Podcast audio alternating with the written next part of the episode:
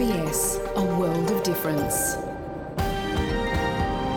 You're with SBS Dutch on mobile, online and on radio.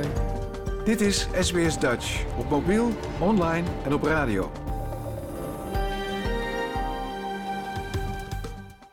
Graag erkennen wij de traditionele eigenaren en verzorgers van het land, van waar we vandaag SBS Dutch uitzenden, en uiten we ons respect aan de Camaragal mensen van de Kurungay Nation en hun ouderlingen uit het heden en het verleden. Ook kennen we de traditionele eigenaren van alle Aboriginal en Torres Strait Islander landen, van waar u vandaag naar ons programma luistert.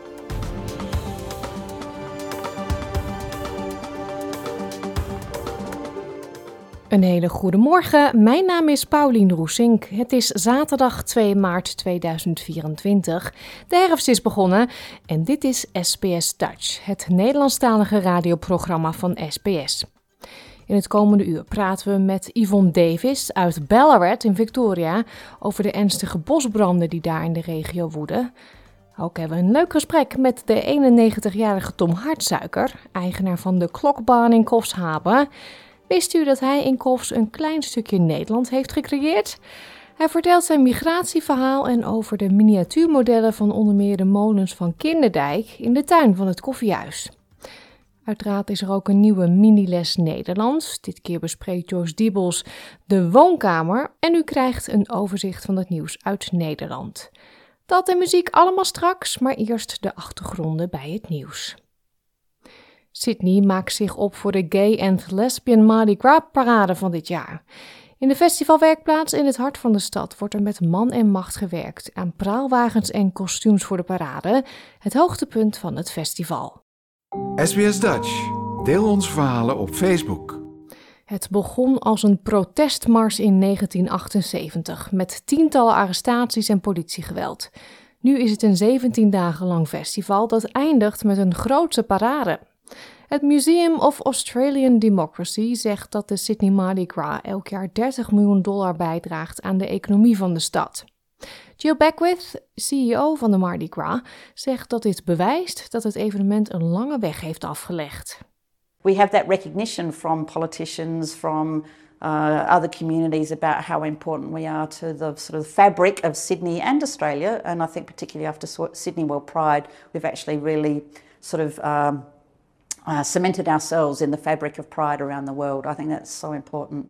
Dit jaar vinden er verspreid over de hele stad meer dan 100 dans-, muziek- en theaterevenementen plaats ter ere van de LGBTIQ-gemeenschap. Maar het einde van het festival is het hoogtepunt waar iedereen op wacht: de parade op zaterdagavond in Oxford Street in de CBD.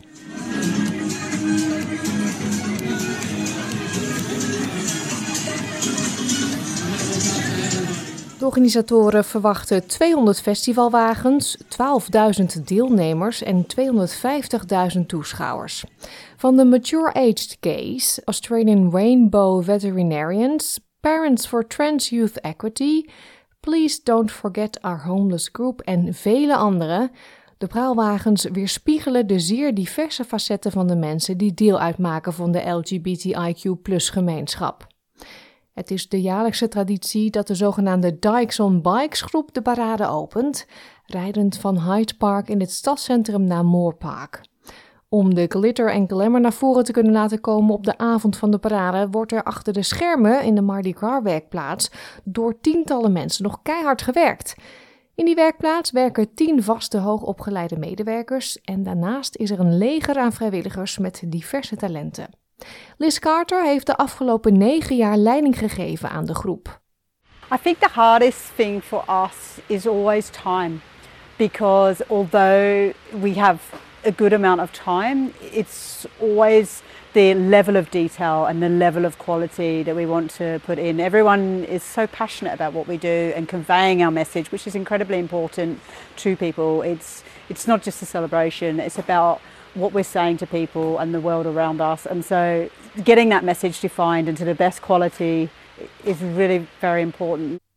Er is echter nog steeds controverse rond het evenement dit jaar. Charlie Murphy van de groep Pride in Protest heeft kritiek geuit op de manier waarop de politie heeft gewerkt aan de moord op het Sydney-koppel Jesse Baird en Luke Davies. Hij vindt dat de verontschuldigingen van de politiecommissaris van New South Wales over de aanpak van de LGBTIQ haatmisdrijven tussen 1970 en 2010 onoprecht lijken. After years of campaigning, the New South Wales Police have now been disinvited from participating in the Mardi Gras parade. But the fight for safety and justice in our community does not end here. We demand the immediate disarming of New South Wales Police, banning police use of all firearms, tasers, pepper spray, batons het besluit om de politie van de parade te weren is inmiddels teruggedraaid. Het bestuur van Mardi Gras bereikte een overeenkomst met politiecommissaris Karen Webb om agenten te laten meelopen zolang ze geen uniform dragen. De commissaris heeft gezegd dat ze verbaasd was over de aanvankelijke uitspraak en dat ze vastbesloten is de relatie tussen de politie en de LGBTQI-gemeenschap te blijven verbeteren. We're not dealing with gay hate crime here. We're dealing with a domestic homicide. Um, and that I do, I'm disappointed that the position that Mardi Gras uh, board has taken on this issue. I think this time, more than any in our society, it's time to come together. We're talking about inclusion, we're talking about diversity, and to exclude part of that community, I think, sends a wrong message. Voorstanders zeggen dat er de afgelopen 50 jaar veel vooruitgang is geboekt, van decriminalisering, antidiscriminatiewetten, wettelijke erkenning voor transgenders, de opheffing van een verbod op militaire dienst, de parlementaire vertegenwoordiging, adoptierechten en legalisering van het homohuwelijk. Jill Beckwith zegt dat de weg naar totale gelijkheid in het dagelijks leven nog steeds beladen lijkt. I receive emails, we receive homophobic stuff on our websites all the time. Every day, every day we cop it. And, you know, we're strong, we're resilient, we're working in our community. I can only imagine what a young person feels or someone that's, you know, lives out in the suburbs. Uh, you know, they must feel awful.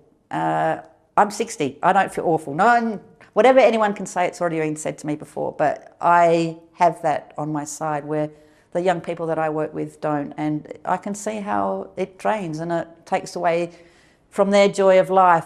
Maar volgens haar blijft de Sydney Mardi Gras een relevant en krachtig jaarlijks statement voor de LGBTIQ gemeenschap. For us it's really important to provide that messaging to people that we're here, we we're not different, we love, we live, we cry, we laugh just like anybody else, but we just want to be celebrated and embraced and accepted for who we are. It's really, really important.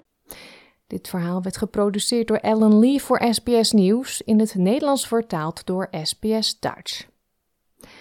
Ander nieuws dan. Onderzoekers uit Melbourne zeggen dat ze een recyclebare waterbatterij hebben gemaakt die een veiliger alternatief biedt voor de lithiumbatterij. Wanneer licht ontvlambare lithiumbatterijen in brand vliegen, kan dit desastreuze gevolgen hebben. Onderzoekers van RMIT University hebben nu een manier ontwikkeld om de brandbare component te vervangen. Professor Tianji Ma legt uit dat het wordt beschreven als een waterbatterij. Lithium-ion battery has the potential risks to catch fire because it uses lithium, which is quite active metal, and use organic electrolyte, which can catch fire easily when the temperature runs out of control. But in terms of water battery, it can never catch fire because we use only water, neutral water, as the electrolyte.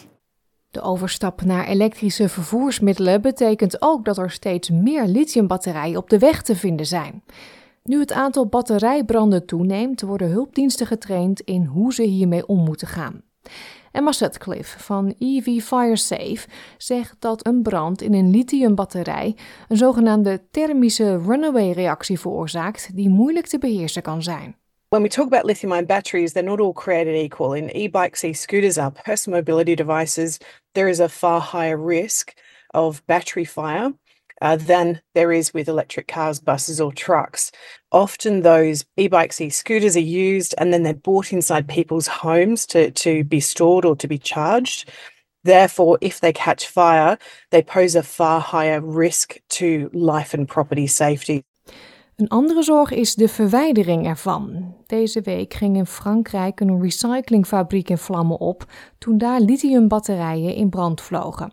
Maar volgens mevrouw Sutcliffe blijft de commerciële levensvatbaarheid van een veiliger alternatief een uitdaging. any new battery innovation that uh, removes that toxic, flammable uh, electrolyte that can vaporize under pressure and heat obviously is going to, uh, you know, be massive steps in the right direction for battery safety. So we always we we really enjoy hearing about new innovation. The tricky part is getting those batteries uh, to market and to the type of scale that we need to see. So how do we get those batteries to scale uh, and cheap enough that they can be used Op dit moment is de waterbatterij niet sterk genoeg om een elektrisch voertuig te laten rijden, maar professor Ma zegt dat men hoopt dat de technologie in de toekomst ooit wel zo ver zal reiken. Batteries are one of the key elements in energy storage. These water batteries could be suitable for from small electronic devices to electric vehicles to large scale energy storage. The next step of water battery is to further increase the energy density of the water battery by developing new nanomaterials as the electrode materials. Het concept behoort tot een aantal veelbelovende ontwikkelingen op dit gebied. Dr. Timothy Coe van Deakin University zegt dat ze de wereld helpen voorbereiden op de uitdaging die de toenemende wereldwijde vraag naar batterijen met zich meebrengt.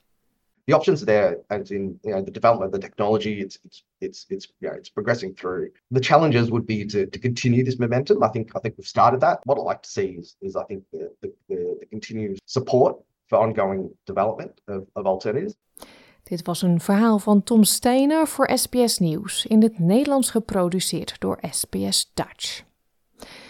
Het is wat mij betreft de hoogste tijd voor de eerste muzikale onderbreking. Gisteren vierde zanger Piet Veerman zijn 81ste verjaardag. Veerman werd bekend als voorman van The Cats. En van die band ga ik nu One Way Wind draaien. Het nummer werd geschreven door Arnold Muren, die de inspiratie voor het liedje opdeed tijdens een tournee door Suriname en de Nederlandse Antillen. Hij zag daar voor het eerst waaibomen die met de wind meegroeiden. Dit is One Way Wind van The Cats. Ten noordwesten van Ballarat in Victoria woedde de afgelopen dagen een gigantische bosbrand. Gisteren belden we met oud-SBS Dutch-medewerker Yvonne Davis, die in Ballarat woont, voor een update over de situatie al daar. Jouw gemeenschap, jouw gesprek, SBS Dutch. Yvonne, jij woont al jaren in Ballarat. Heb je de situatie uh, ooit zo precair gezien? Um, ik heb het, nou ja, goed, ik ben dus gewend dat er branden in de buurt zijn. Uh, vooral bij mijn broer, die afgelegen woont, net buiten de stad. Maar dit keer vond ik het wat dichterbij komen, omdat niet alleen was het vrij groot. Uh, en dan kijk je dus naar de windrichting. Maar er was van de week ook een brandje, ik weet niet meer welke avond. Je komt slaaptekort. En dat was uh, ook in de buurt. En daar woonde iemand die ik ook kende. En dat was bij haar in de straat, zeg maar. En dan ga je wel zorgen maken. Ja, je vertelt over je broer. Die uh, heeft ook echt moeten evacueren, hè? Ja, vorige week vrijdag uh, kreeg hij een sms'je. Want hier, je weet hoe het hier werkt. Er zijn appjes. We houden de, de radio, de tv in de gaten. De appjes. Uh, want dan hoor je dus een alarm afgaan. In geval van mijn broer kreeg hij dus een sms'je om te zeggen: nu het huis uit. En je hebt, laten we zeggen, een paar uur om dat te doen. Maar ja, um, die woont niet alleen afgelegen, maar die heeft dan uh, familieleden, honden en katten allemaal in de auto, papieren meenemen, foto's, weet ik wat. Maar die moet dan ook paarden verzetten. Want daarom woont hij afgelegen of buiten de stad, zeg maar, uh, vanwege die paarden. En dat is niet zo makkelijk. Dus tot en met vroeg in de morgen was hij paarden aan het verzetten. Ja, uiteindelijk is zijn huis niet uh, bedreigd geweest, hè? Nee, nee, nee. Uh, meer dan tien jaar geleden kwam het heel dichtbij. Ik kon het zelf zien vanuit het keukenraam. En dan denk je wel van nou, uh, maar dit keer nee, het was echt ver weg. En zelf zei hij ook van nou, wij lopen geen gevaar, maar ik snap wat ze bedoelen. We gaan het huis uit. Want ze nemen tegenwoordig veel minder risico's. Mm. Als ze denken van hé, hey, dat wordt gevaarlijk, dan iedereen weg. Ja. Kan je uitleggen hoe de situatie is voor mensen die niet in Victoria en uh, in de buurt van Ballarat wonen? Ik denk dat de haardvuur meer dan 160 kilometer lang was. Dat is in de buurt van de Grampians en dat heeft dus lang gewoekerd. Dat is nu min of meer onder controle. Op de kaart zeg maar, staat het op geel om te zeggen van ja, het is nog, weet je, hou het in de gaten, het is niet helemaal veilig. Mensen mogen nu pas terug naar hun huizen. Maar dat is een, een prachtig natuurgebied met veel bossen, uh, met gebergten. Dus kijk, er gingen een heleboel van die brandweerwagens naartoe. Meer dan 200. Dan denk je wel van waar komen ze allemaal vandaan. Maar dat is niet echt bereikbaar. Dus om dat te blussen, dat is niet makkelijk. Dus je hebt ook helikopters die heen en weer gaan, vliegtuigen. En dat woekerde vorige week. En dat woekerde door, zeg maar, tot en met nu. Ja, er zijn zelfs uh, brandweerlieden uit New South Wales overgekomen om te helpen. Ja, ja, daar zijn we erg blij mee. Want het gebied waar een oude kennis van mij woont, die woont dus in dat gebied waar de brand was aangesticht trouwens. En dan denk je wel bij jezelf, wie haalt het in zijn hoofd? En daar gingen de brandweerlieden van New South Wales naartoe. Dus zij, zij zei dus ook, wij verlaten ons huis niet. Ze wonen echt op, op een plattelandsgebied. Het is een dorp, zeg maar. En die zei van, we hebben besloten om te blijven en te vechten tegen de brand. Dan denk ik wel van, nou, weet je dat wel zeker. En die zei wel, um, want ik heb ze daarna nog de volgende dag gecheckt van alles oké. Ja, alles oké. Er zijn trouwens geen huizen verloren gegaan in dat gebied. Maar die zei wel van ja, het waren allemaal brandweerlieden uit New South Wales. Ja. Dus daar zijn we dankbaar voor. Ja, ja die bivakkueren allemaal hier in een park. Ik vind het heel komisch. Het staat vol met tenten en uh, brandweerauto's en brandweerlieden. En mensen die ze eten geven. En laten we zeggen van die barbecue keukens, zeg maar. Dus we kunnen eigenlijk wel concluderen dat er geleerd is uh, van de situaties een paar jaar geleden. En de Black Summers ja, van 2019 Ja, ja, ja, absoluut. Ja, dat was afgrijzelijk. Al die jaren geleden, meer dan tien jaar geleden, kende ik ook iemand in die regio. En niemand werd gewaarschuwd. En ja. er zijn dus een hoop levens verloren gegaan, want niemand wist dat het kwam, totdat het gewoon te laat was. Ja, nou, dat is wel heel fijn om te horen. Um, nog even, jij woont dus in Ballarat, die enorme ja. grote bosbrand die je net benoemde, 160 kilometer doorsnee. Hoe ver was dat dan van jouw plek af? De rand van de brand, Beaufort, uh, stond in de brand. Dat is een, uh, ik wil het geen stad noemen, het is niet echt groot. Maar Beaufort uh, zit ik drie kwartier in de auto. Voor mijn broer is dat natuurlijk een stuk dichterbij. Zodoende moest hij alles wat meer in de gaten houden. Uh, en dan de Grampians is misschien iets meer dan een uurtje. Ja, dus ja. het is redelijk... En toch merk je daar heel veel van, hè? De lucht. Ja. ja, de lucht. Oh, ik vind dat zo erg. Zodra ik die eigenaardige kleur zie in de lucht, uh, dan denk ik altijd van, oh, daar gaan we weer. En dan ook een paar dagen in de rook gezeten. Dat je dus weet van, ja, overal, weet je, hangt er rook en het is niet helder. En voor het eerst heb ik meegemaakt, want ik weet van mijn broer die dus weten als zwarte blaadjes van een boom afvallen, dan kunnen ze in de brand staan en opnieuw een brand beginnen. En voor het eerst van mijn leven zag ik in Ballarat, overal in Ballarat, blaadjes naar beneden dwarrelen die niet meer in brand stonden, maar met de wind zijn meegekomen en die dus helemaal verbrand waren. Ze waren zwart. Hm. En als je ze oppikt moet je voorzichtig zijn, want ze, ze vallen uit elkaar in je handen. Dat vond ik wel heel eng. Mm-hmm. Ik zie ze nog steeds trouwens, ja, die blaadjes. Ja. Gelukkig nu dus onder controle, zo lijkt het. Maar ja, met ja. het weer. Is, het, ja. is de temperatuur ook flink gedaald of dat nog steeds niet? Vandaag 29 en dan een paar dagen net over de 20. Maar ik denk er is misschien een kans op regen pas een dag en niet veel volgende week. Uh, en het blijft droog. En dan denk je van ja, eind van de week wat er dan gaat beginnen, of uh, ja, donderdag, vrijdag volgende week, geen idee, afwachten. Het, het blijft gevaarlijk op dit moment en het is gewoon droog. Het is kurkdroog. Ja.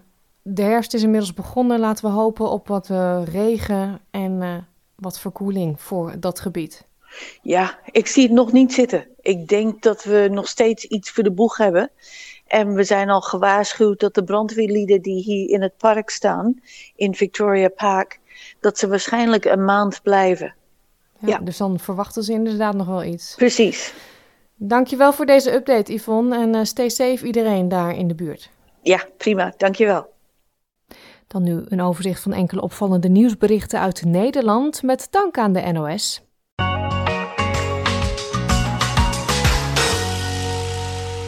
In bossen en natuurgebieden is het soms te druk, vindt Staatsbosbeheer.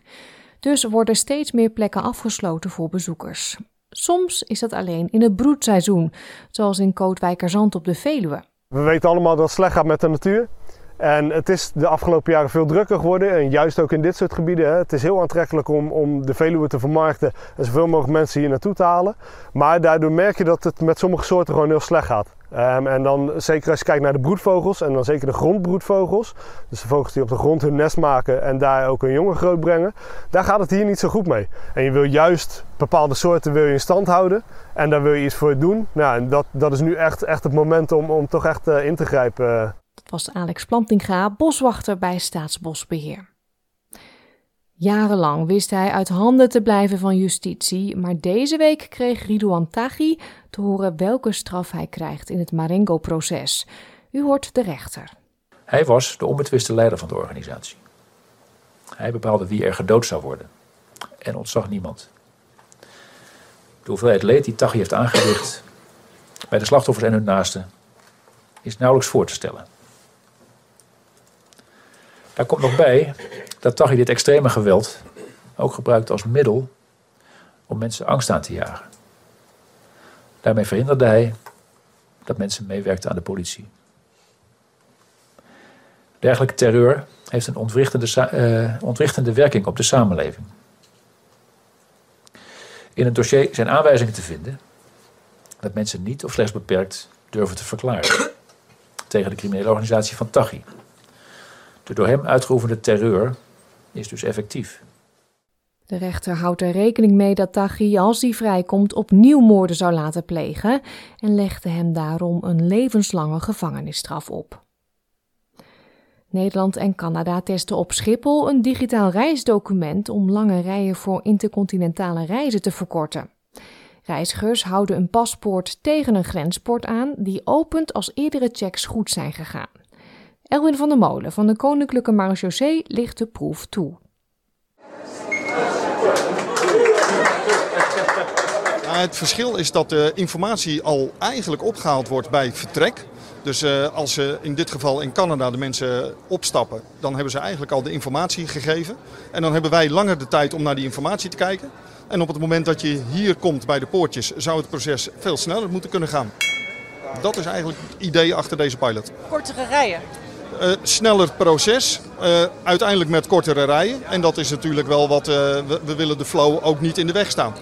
Een proef met vier tunnels in Amsterdam-Noord moet ervoor zorgen dat fietsers zich veiliger voelen. De tunnels zijn één middag aangepast met bijvoorbeeld geur, bewegende verlichting of geluiden. U hoort projectleider Pepijn Vervalen. Dus we hebben een tunnel waar een soort van prettig geluid geven. We hebben de tunnel zien waar we nu uh, bij staan. Daar hebben we uh, bepaalde verlichting. Uh, dan heb je de tunnel met voelen.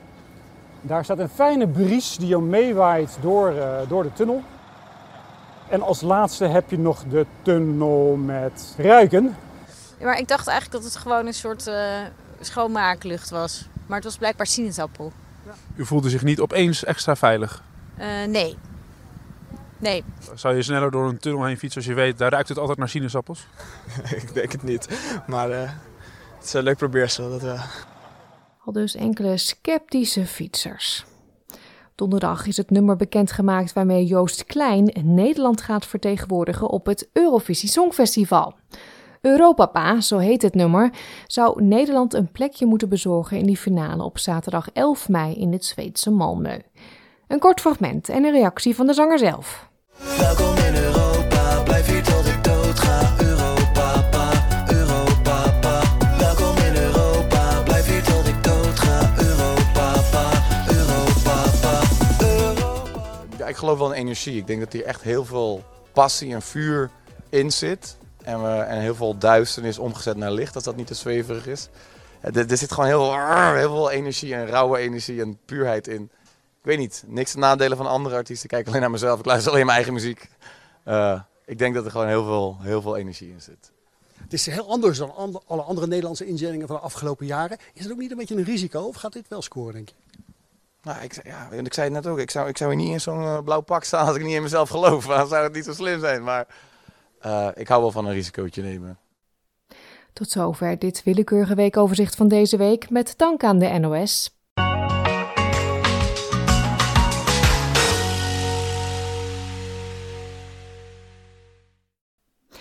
Joost Klein, de Nederlandse inzending voor het Eurovisie Songfestival dit jaar in Zweden. Op onze Facebookpagina kunt u ons laten weten wat u van dit liedje vindt. facebook.com slash.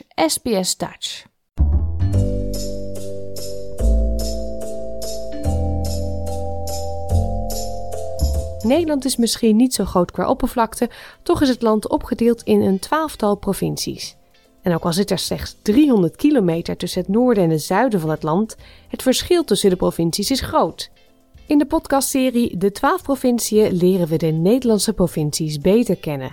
Dat doen we aan de hand van de verhalen en herinneringen van in Australië woonachtige Nederlanders.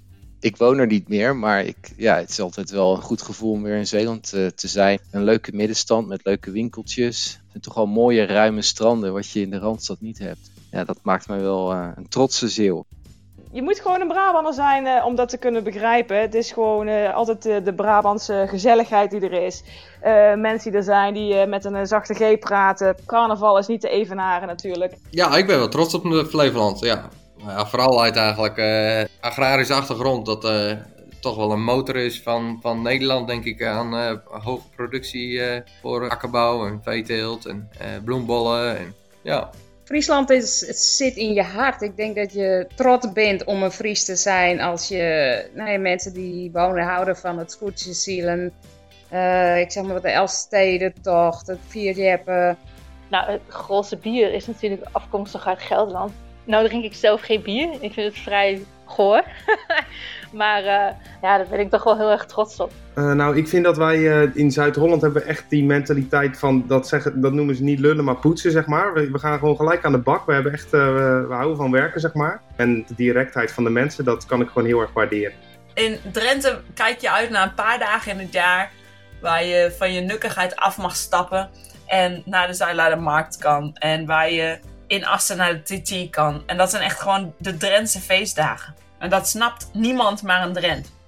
Ga voor alle afleveringen van de 12 provinciën nu naar onze website www.sbs.com.au Dutch of download de SBS Audio app. Gaat u even zitten voor een prachtig verhaal. Tom Hartsuiker kwam als 18-jarige timmerman naar Sydney. Jarenlang had hij een eigen bedrijf tot hij begin jaren 80 het roer omgooide en een camping kocht in Coffs Harbour in New South Wales.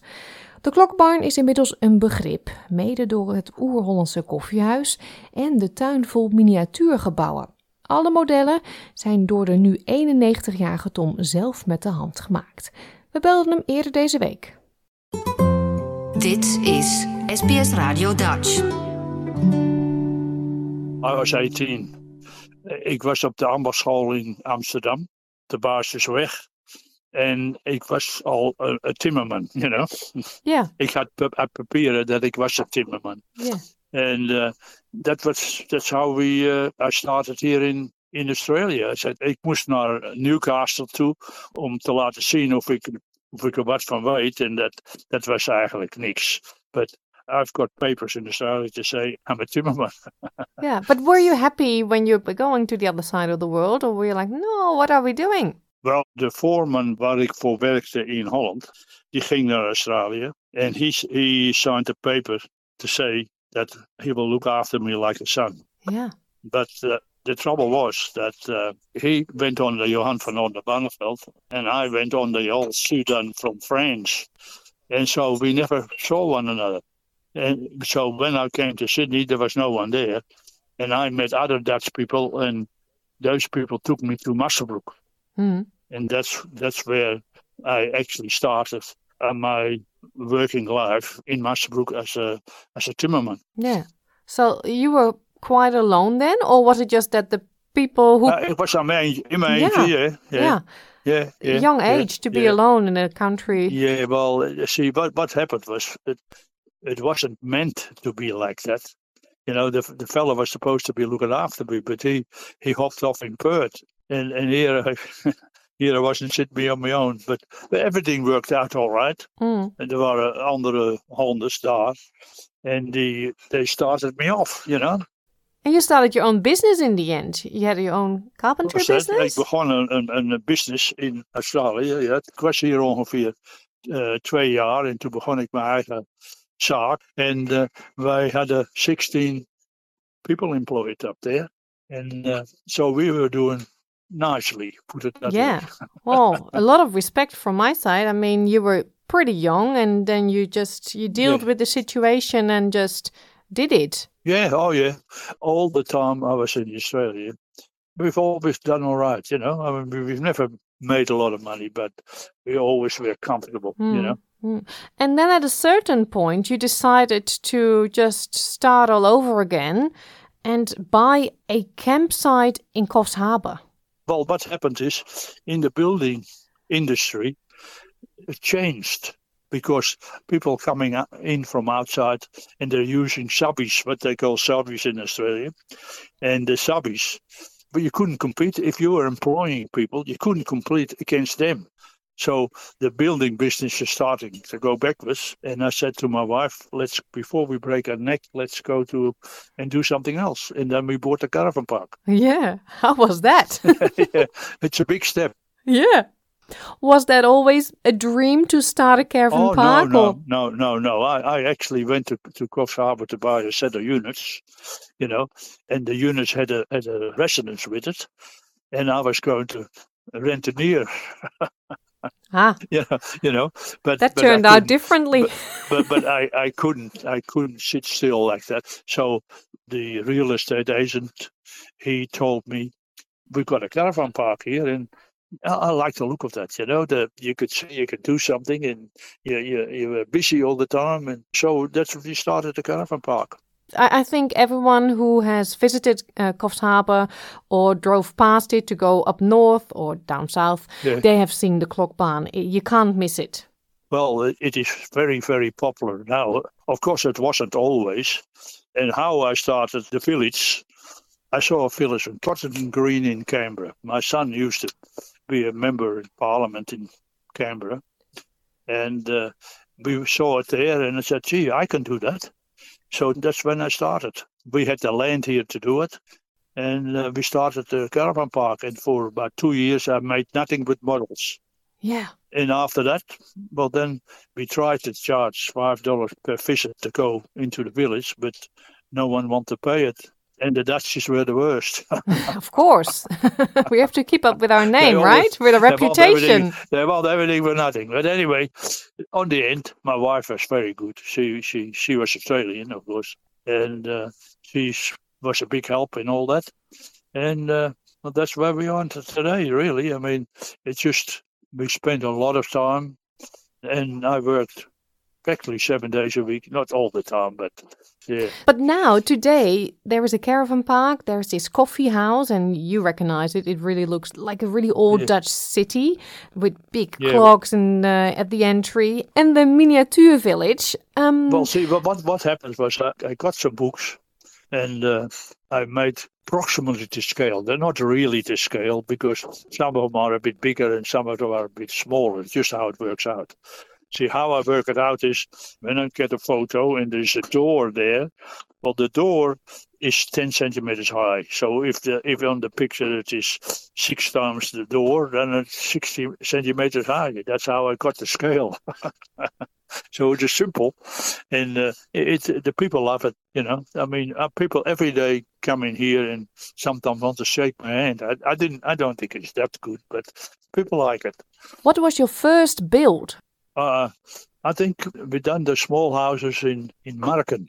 You Yeah. know the small houses in Marken. The green ones, like Volendam. Yeah, yeah, yeah, Volendam, and and it started off small, and then we did, of course, on right on the end, we did the the, the Cube House in Rotterdam. See, I never seen it, but I saw the photos of it. Actually, we got it off the internet. You know, I You did- just work from photos, yeah. We work from photos, and what happened is some of those pictures in the in the books they were not photos, they were sketches. So they were not as close to the real thing. They're, they're close enough, you know. So when the internet comes, now I can see that my models are not exactly the same as they as they were because it was not my fault. I thought I was doing the right thing at the time. So the whole problem with with the models is that you can't buy any parts. I make all my my own molds to make the bricks and the tiles. And then you got to clean them on four sides before you can use them, and then you can glue them on. it's a lot of work. It's a lot It's of a work. lot of work. Yeah. And Yeah. how many buildings are there now in the village? No, I, I think there's over a hundred there. Yeah. You know, some of them are there might be two houses, and I made it in one. You know, Mm. and we got uh, Anne Frank house, and then in, for Harlem we got some lady in in that uh, Jewish lady. We did that house. We got the Kinderdijk. We got six uh, molen in a row. You know, and then the opklapbrug and. Yeah. It is Yeah. really like a, a small version of um, Madurodam. Yeah, Madurodam. Yeah. Yeah, oh yeah. Well, see, actually, some people like it better than Madura Madurodam because we got signs what that are. Apparently, in Madurodams, they're not like that. You only see the models, but you don't see which one is which. And we get the Dutch people that go there, and they they love it, you know, because they oh, I only live two minutes away from that, you know, and they can remember that it's really like that. Mm. Yeah. How long does it take you to build one model? Well, there's one there that took six months. That is the uh, cheese market in Alkmaar. I think that's pretty fast. What I did, I, I, I just made the model in parts and then I took them home at night to put the bricks on it. Mhm. You know, I used to enjoy it because I had the office overlooking the sea. And while I'm doing that job, you can see the, the fishermen coming in and it was nice. I, I, it's never any trouble. I like it. You know, and if you like something, it's not hard. No. No, you, when you enjoy things, then you know time Yeah, goes yeah, fast, uh, and yeah, it's it's great. Is there one building that you're really proud of? That's the one building. Yeah. Oh, they're, they're, they're not not really. Yeah, no, I I, I like them all. You know, uh, I can only see the ones I would like to see better. You know, and when I go in there, I said, oh, that I should fix that. You know, yeah. Mhm. But uh, and is there something a building on your wish list you would love to make? Not really, not really, because I think all the ones that I wanted to make, I've made them. You know, if I saw a photo I liked, I Mm. made it. Mm. Basically, yeah. There's there's nothing. No, That- so- the hotel in in Sandam. I, I don't know if you got photos of it, but that is the one that was. It's got 250 windows in it, and it took a long time that one. Mhm. And of course, the cube houses. I had trouble with the cube houses. If the bevel of the cube is not exactly right, that it throws everything else out. So Yeah, it's very detailed and very um, precise work, of course. yeah, well, see, I I I, just made them, and uh, when I saw a nice picture, I made it. Mhm. So today it's mainly maintenance, adjusting, but the village won't grow anymore. You're not planning on building new models. The- Oh, this is I- the village. I, I, I built a, a, a big water wheel, which is actually not of a photo. It, I just made that one up Hmm. because there seemed to be a dead spot in that spot, and I said we have to have something there. So I made a water wheel for it. Wow. You wouldn't know the difference because there's a little house with it that looks exactly the same, like the same style. And uh, Mhm. that's about 18 months ago when I made that. But lately, I I haven't done that much. Well, I'm, I'm, You have to I'm- enjoy your morning coffees and just relax and just well, I've, do. I've got my coffee there. Is it- My coffee there. It's getting cold. Oh, I'm so sorry. No, no, no, no, no, no. They brought it in the moment, the moment you rang, and they brought it over. Usually, I asked them to wait until after I My bad. and the people who visit um, the village are they mainly Dutch or tourists from all over the world? It's been all over the world. Uh, oh, it's all over China. You name it, Japan, Russia. We get visitors from all over the world here, and Mhm. uh, they seem to like it. You know. Yeah. Well, I can understand. Uh, I went there with my young children and they loved it too, just to see all the buildings. Yeah, I just take it in my stride because I think, I basically think that anyone can do it, really. Uh, if you set your mind to it, anyone can do it. no, I don't think so. I don't think so. I think you Well, should I give think yourself like a that, bit more you credit know. for this. It's uh, amazing. It's just a little piece of Holland in New South Wales, in Coffs Oh, to yeah. be uh, exact. Well, and we, um, had, we've, I've had it that a lady would come out of there crying, you know, because apparently the one of the buildings was somewhere near her, and and uh, I didn't talk to her, but it happens. Often people come in and want to shake my hand, and uh, I don't really think it is that good, you know. But there's people like it.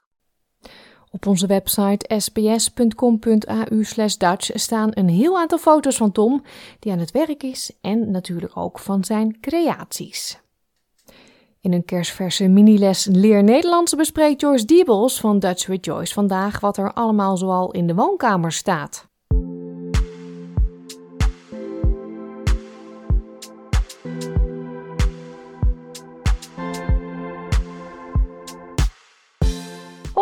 Ben Joyce van Dutch with Joyce, and today we have another Dutch lesson.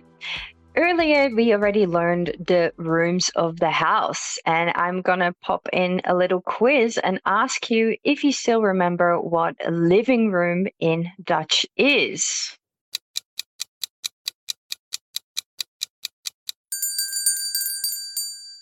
Living room is woonkamer. I hope you had that right and have been practicing. So, today we are actually talking about some of the items and things you can find in the woonkamer. So, let's start at the very beginning and translate couch. So, the word for couch you actually already know from English. However, we use it for the bank when you're going to the bank. If you Dutchify that word, you get bank, and that is also your couch and sofa. De bank. We can say something like: Ik zit op de bank televisie te kijken. Ik zit op de bank televisie te kijken. So I'm on the couch watching TV. Then we usually have a little table there. Table is tafel. And if it's a little table in front of your bank, then we would often say koffietafel. De koffietafel. Ik heb een leuk boek en een plant op mijn koffietafel. I've got a nice book and a plant on my coffee table. Ik heb een leuk boek en een plant op mijn koffietafel. Then you might have a nice chair sitting there as well. So if we look at the word for chair, another version of a chair is a stool. And that's what you want to keep in mind saying the Dutch word for chair, which is stoel. De stoel. So for stool, we can practice another sentence where we do two things at the same time. So sitting and doing something else. So ik zit op de stoel een boek te lezen. So I'm sitting on the chair reading a book. Ik zit op de stoel een boek te lezen.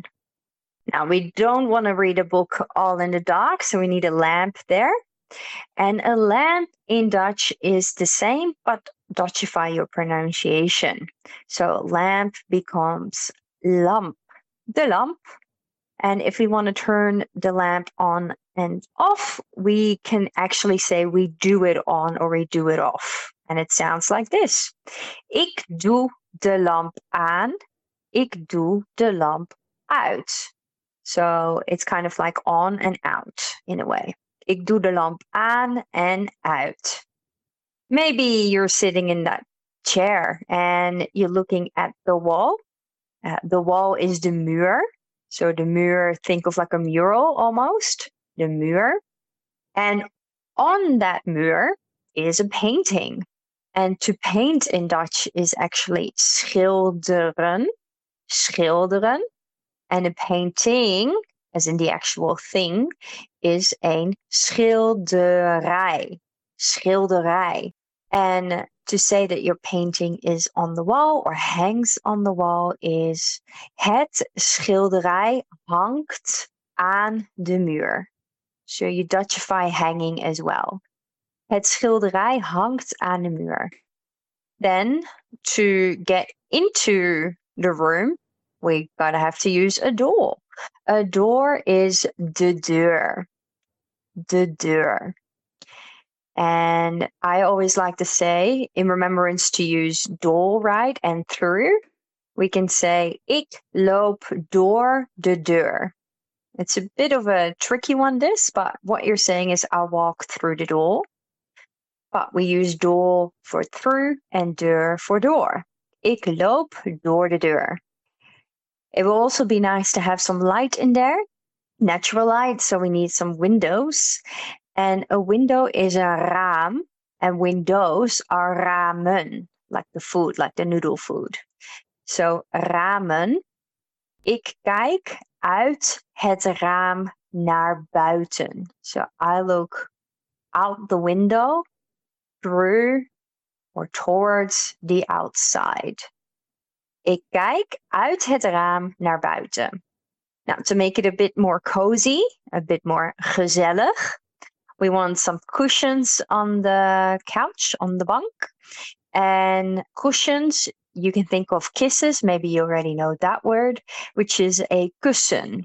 Kussen. And kussen is also a word that we use for both cushion as well as a pillow. So het kussen ligt op de bank. We don't say is, we say that it's laying there. We use position verbs to determine where things are. Het kussen ligt op de bank. And for some entertainment, we might have a bookshelf or a book cupboard. Uh, a shelf is a plank, like a plank, planking. It's nice and straight. So bookshelf is een boekenplank. And there's Dutch logic behind that as well, because in English, often we use a singular version like a bookshelf and a bookstore. And we're like, nah, we don't put one book there, or we don't have one book at the bookstore. We have multiple. So we pluralize it. So it becomes de boekenplank and the boekenkast. Kast is cupboard. So we could say something like: Er staan boeken op de boekenplank in de boekenkast. So there's books on the bookshelf in the book cupboard. Er staan boeken op de boekenplank in de boekenkast. It's a good one to practice. and in case you were a little bit um, unsure about the word for television, we basically Dutchify that because everything in I-O-N at the end translates into an IE in Dutch. So we get televisie. And a sentence would be: Ik kijk naar een televisieprogramma op de televisie. So I'm watching a TV program slash show on the telly. Ik kijk naar een televisieprogramma op de televisie. And there you have it, a few things that you can find and see and do in de woonkamer. So, which words of these did you already know? Which words were new? And can you think of other words that you might find in your woonkamer? Happy practicing en tot volgende week. Doei!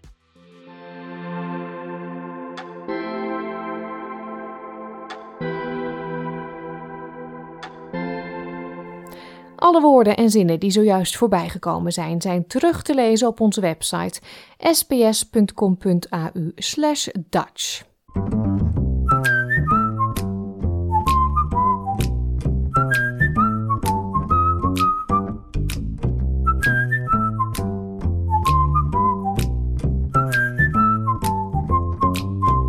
Tot zover deze uitzending van SBS Dutch voor deze zaterdag. Deze aflevering en al onze andere verhalen en series zijn terug te luisteren op onze website www.sbs.com.au/dutch, via de SBS Audio app. Deze is gratis te downloaden in de Apple Store of Google Play of via uw favoriete podcast app. We sluiten dit uur af met Zondag van Rob de Nijs. Ik wens u een heel goed weekend. Tot woensdag. Wil je nog meer soortgelijke verhalen?